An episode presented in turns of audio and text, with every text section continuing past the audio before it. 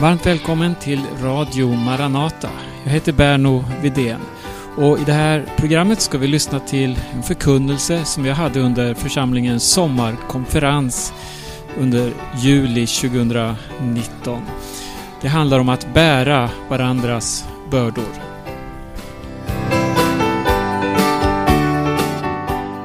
Det här är en yttring utav Andens liv.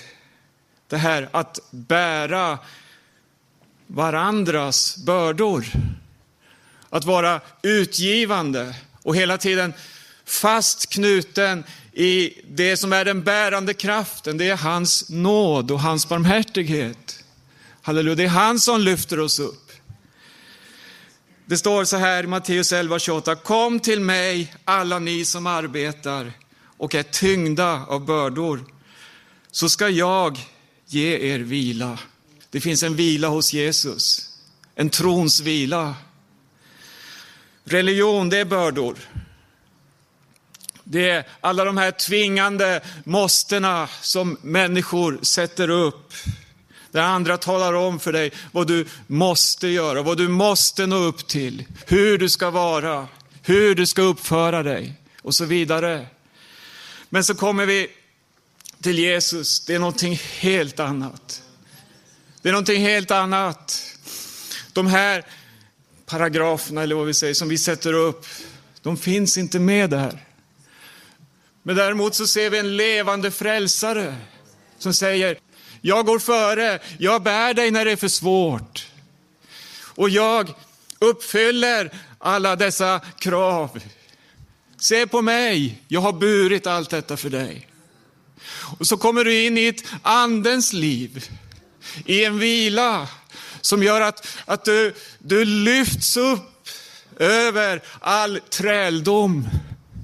Och så ser du att livet med Gud, det är någonting oerhört välsignat. Det kommer prövningar, det kommer svårigheter, men du har en kraft som bär dig igenom allt. Jesus han eh, säger så här i Lukas 11 och 46.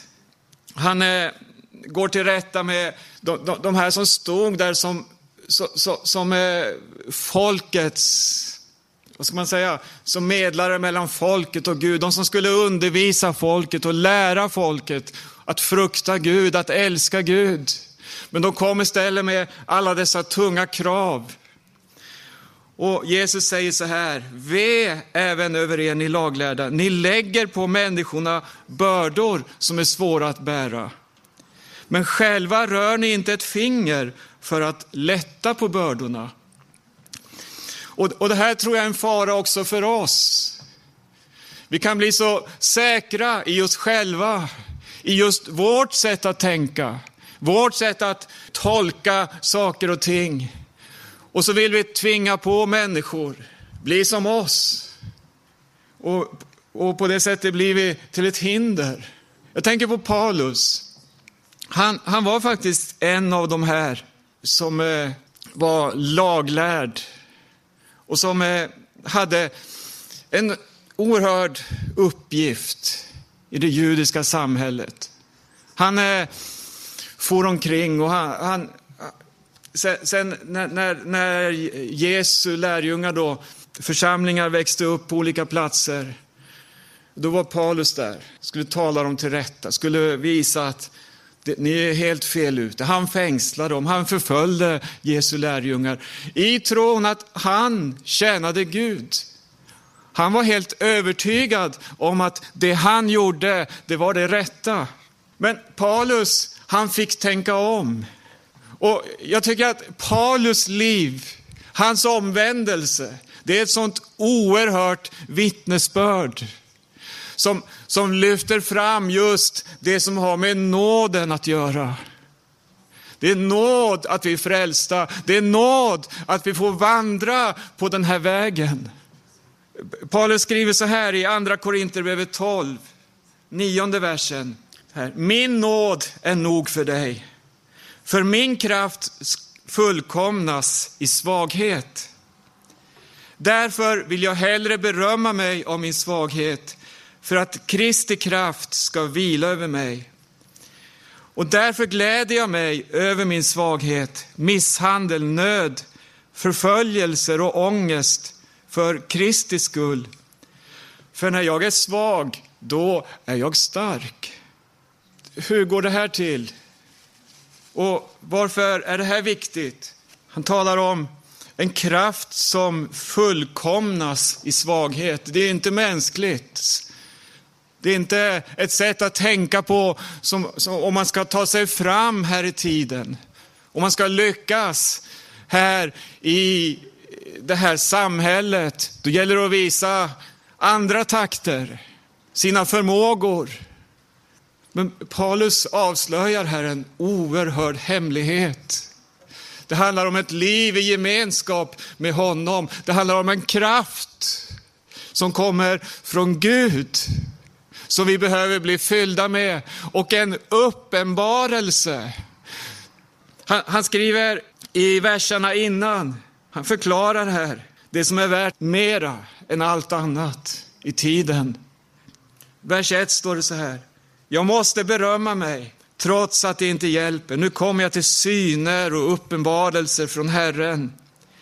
Jag vet en man som i Kristus, i Kristus som för 14 år sedan blev uppryckt ända till tredje himlen. Och så börjar, för, beskriver han här den här upplevelsen han hade, orden han fick höra.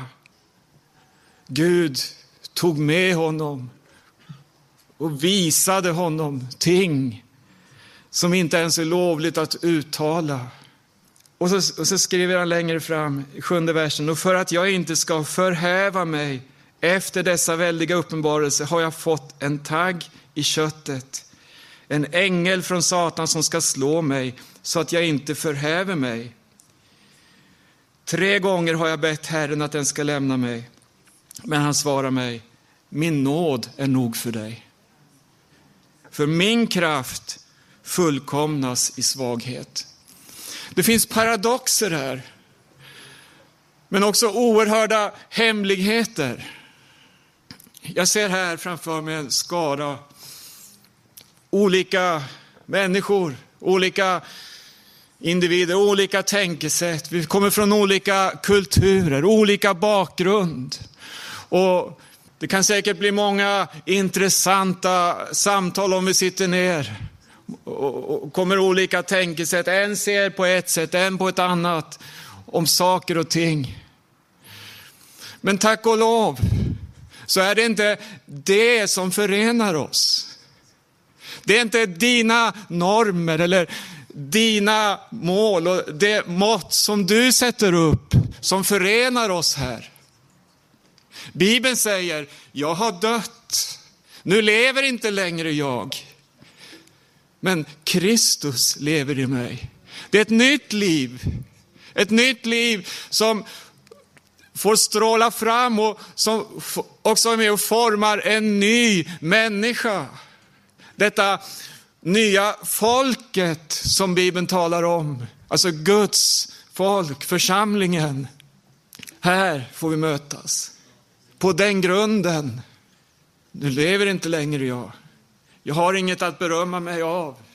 Jag kanske har det, men det är inte det som gäller. Det finns en annan kraft som fullkomnas i svaghet.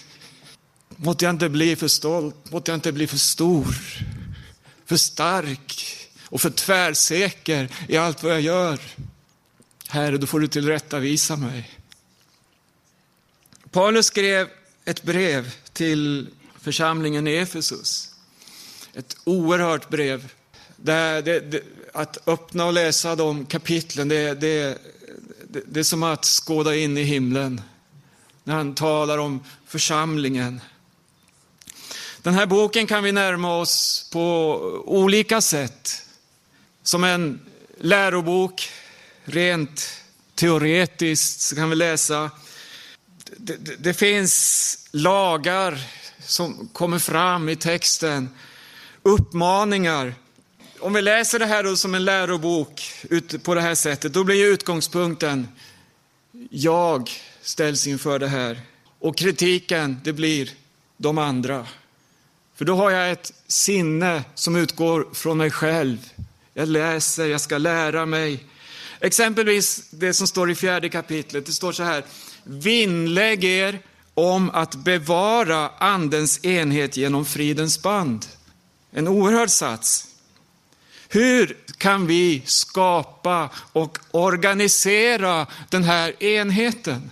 Det, det, det, är omöjligt. Vi kan inte skapa en andens enhet genom att sätta upp vårt regelverk. Eller budskapet som vi möter i, i femte kapitlet där det står så här, ni män, älska era hustrur så som Kristus har älskat församlingen. Du kan inte tala om för en människa att nu ska du älska din hustru om det inte finns en äkta kärlek bakom. Du kan inte genom tvång, genom regelverk skapa denna kärlek. Den är byggd på en helt annan grund. Om, om vi läser de här texterna, de här uppmaningarna utan att äga bruderkärleken i våra liv, då, då fastnar vi bara. Då tar det stopp.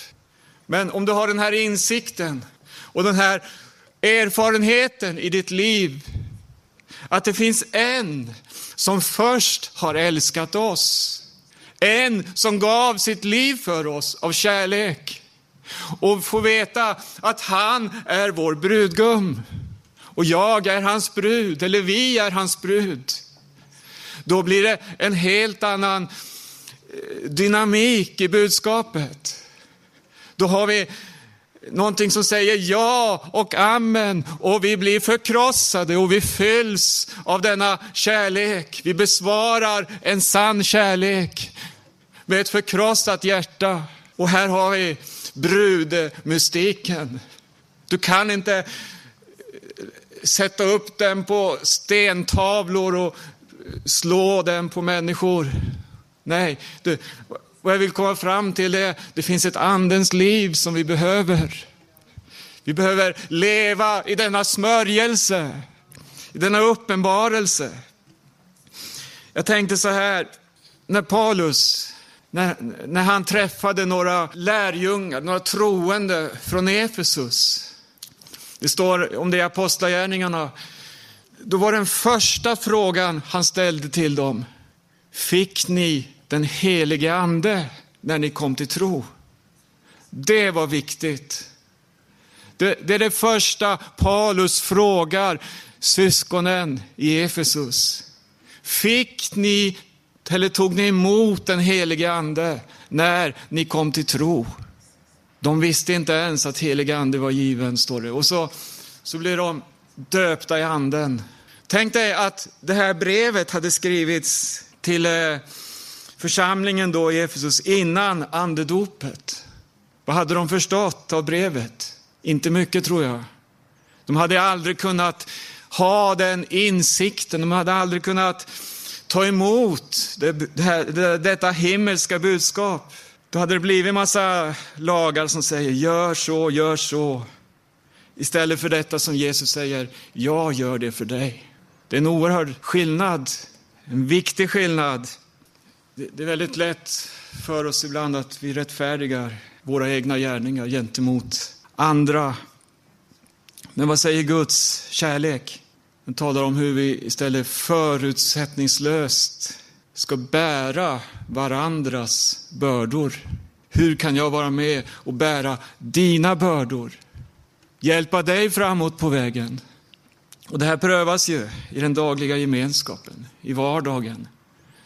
När vi lever fram våra liv. Vi har hört vittnesbörd här under konferensen. Och så gripande att höra en broder sitter helt uppgiven. Och så får han helt plötsligt besök. Det är inte organiserat, men det, det finns ett andens liv. En ande som gör att vi blir känsliga. Vi, börjar, vi blir rörliga på ett annat sätt. Vi kan möta varandras behov. Med vilket mål? Att Jesus ska få bli större. Att Jesus ska få manifesteras ännu mera i församlingen, i våra liv. Se hur de älskar varandra. Vilket vittnesbörd. Se hur de älskar varandra. Det kan få en förhärdad människa att bryta samman. Och man får möta denna äkta Kristi utgivande kärlek. Kanske från en fiende eller någon som man ser som en fiende. Gud vill fylla dig med denna kärlek. Med sin ande. Det finns ett sändebrev till eh, Efesus också. I, I det här sändebrevet så står det om de här oersättliga värdena som har gått förlorade. Men brevet till Efesus börjar så här, Uppenbarelseboken 2.2. Jag känner dina gärningar, ditt arbete och din uthållighet. Jag vet att du inte kan tåla onda människor. Du har prövat dem som kallar sig apostlar, men inte är det. Och du har funnit att de är lögnare. Ja, du är uthållig och du har uthärdat mycket för mitt namns skull utan att tröttna. Det här det var ju väldigt ett fint vittnesbörd. Och de kritiserades inte för det här som de hade. Det här, det här är, är positivt. Men det fanns någonting ännu viktigare. Det var det som de saknade. Någonting som de tidigare hade haft. Det finns ett annat brev som Paulus har skrivit till Thessalonikerna, första Thessalonikerbrevet. Som, det handlar ju om Jesu tillkommelse på ett eh, väldigt speciellt sätt. Där har vi många versar som lyfter fram just det här mötet i skyn och det här underbara hoppet. Och i, i häls, inledningshälsningen till Thessalonikerna, den här lidande, förföljda församlingen som hade det svårt på många sätt. Men de hade ändå någonting mera än det som här står om gärningar, arbete och uthållighet. För det står så här i första Tess 1 och 3. För vi tänker ständigt på er gärning, vad står det? I tron. Ert arbete i kärleken och er uthållighet i hoppet till vår Herre Jesus Kristus inför vår Gud och Far en, en oerhört väsentlig skillnad. Församlingen i Efesus, sändebrevet, där står det gärningen, arbetet, uthålligheten. Men man hade förlorat, vad, vad skriver brevet, den första kärleken. Så vänd om. Så viktigt var det. Så allvarligt var det. Från det du har fallit. Så vänd om. Du kan inte driva vidare ett arbete. Du kan inte försöka upprätthålla en verksamhet om du inte börjar med att få detta överflödsliv från Gud. Denna kärlek som en drivande kraft. Man gjorde gärningar. Det var andra, verksamheten rullade på. Men det var just den här närheten till Jesus som hade förändrats. Gärningarna kom istället i centrum. Det var säkert enormt fina gärningar, ett så gott arbete. Nå, nå, någonting som man kan läsa om i historien, också i vårt eget lands väckelsehistoria. Det, det är när den här första kärleken går förlorad, då hamnar man ganska snart i ett traditionellt eh, format eh, arbete. Alltså, församlingsverksamheten lever vidare och så blir det sen så småningom en inkörsport i det stora, vackra, kyrkliga, det här ekumeniska samarbetet, allianser och så vidare. Och det är en varningsklocka. Det är en varningsklocka för var vi kan landa någonstans om vi förlorar bruderkärleken. Då finns det en annan kärlek som istället fångar verksamheten. Istället så blir det, saknar man den då behöver man andra synliga uttryck. Prästerskap, liturgi, sakrament och så vidare. Fina barndopsförrättningar i någon fin miljö Och så breddas vägen och så dunklas sinnena. Det hänger samman. Den första kärleken, den hjälper oss också att bevaras, alltså alerta i trohet till ordet. För får tron, hoppet och kärleken överflöda, ja då behövs inte de här uppmaningarna, för då finns det en kärlekens kraft som tvingar oss. Jag tänker på Johannes som skrev Uppenbarelseboken. Han kunde inte bara sätta sig ner och skriva ner som en skrivbordsprodukt, något som han hade lärt sig eller kanske hört någon röst säga. Nej, det som ligger till grund här också för den här uppenbarelsen, det var att han fick ett så revolutionerande möte med Jesus. Han fick skåda Jesus. Han måste möta Jesus innan han kunde skriva den här uppenbarelsen. När jag såg honom följa ner såsom död för hans fötter, skriver han. Men så får han Herrens högra hand på sig, som gav honom styrka. Den högra handen. Och så sa han, var inte rädd.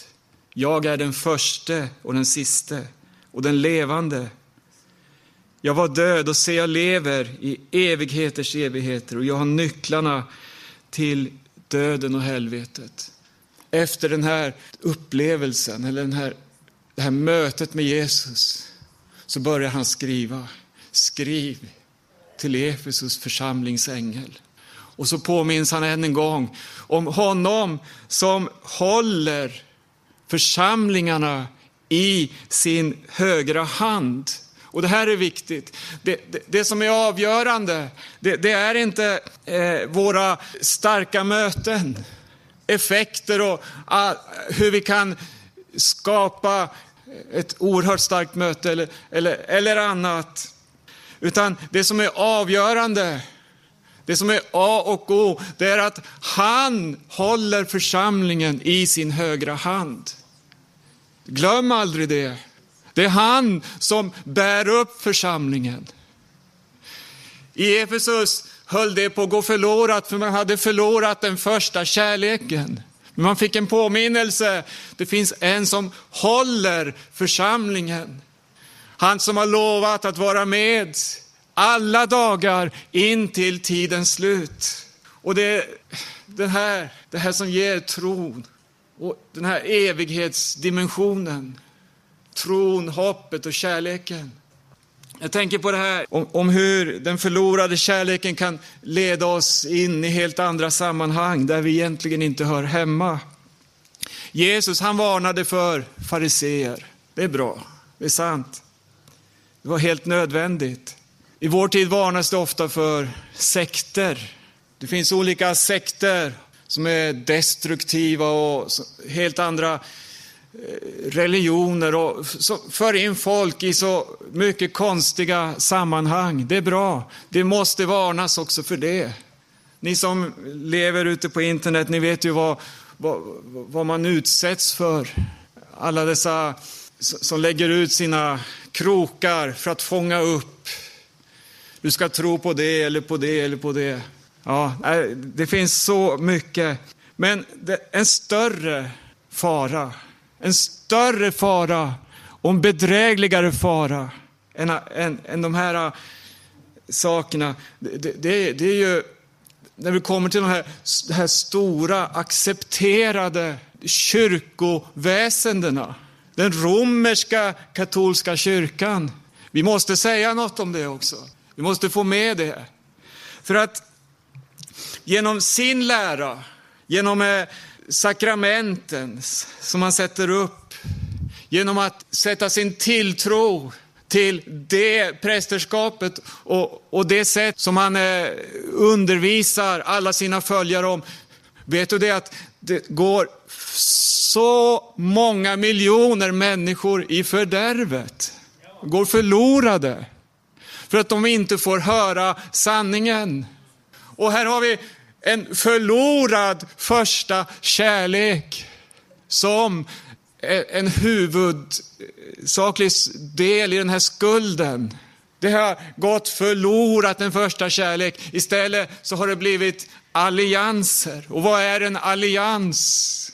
Det är att man samlas kring olika kyrkor för att tillsammans skapa en, en enhet. Det är ekumenik. Ekumenik vill ha en kyrka. Det, det, det, här, det här kommer mer och mer i våra dagar. En kyrka. Men vad säger Bibeln? Andens enhet. Andens enhet, syskon, den talar om ett hjärta och en själ. Det är någonting annat. Och den andens enhet är den enda enhet som kan övervinna världen. Den tro som vi får därigenom, den kärlek som vi blir uppfyllda med. Ett hjärta, en själ. Tänk vilken maktfaktor den urkristna församlingen utgjorde i Jerusalem. När man samlades dagligen till denna gemenskap. Det var en ny revolutionerande folkrörelse som hade uppstått i Jerusalem. Jag tror inte att man såg dem som en ny kyrka eller en ny religion, utan det, det var ett folk som levde på ett annat sätt, som började tala på ett nytt sätt. Och så hade de en huvudperson som de hela tiden hänvisade till och som de lovsjöng, som de tillbad. Och det var en sån utgivande kärlek. Det här skapade riktlinjer. Det här anvisade en väg. Och det är dit vi får gå tillbaka ständigt. För att påminnas om den väg som leder till målet.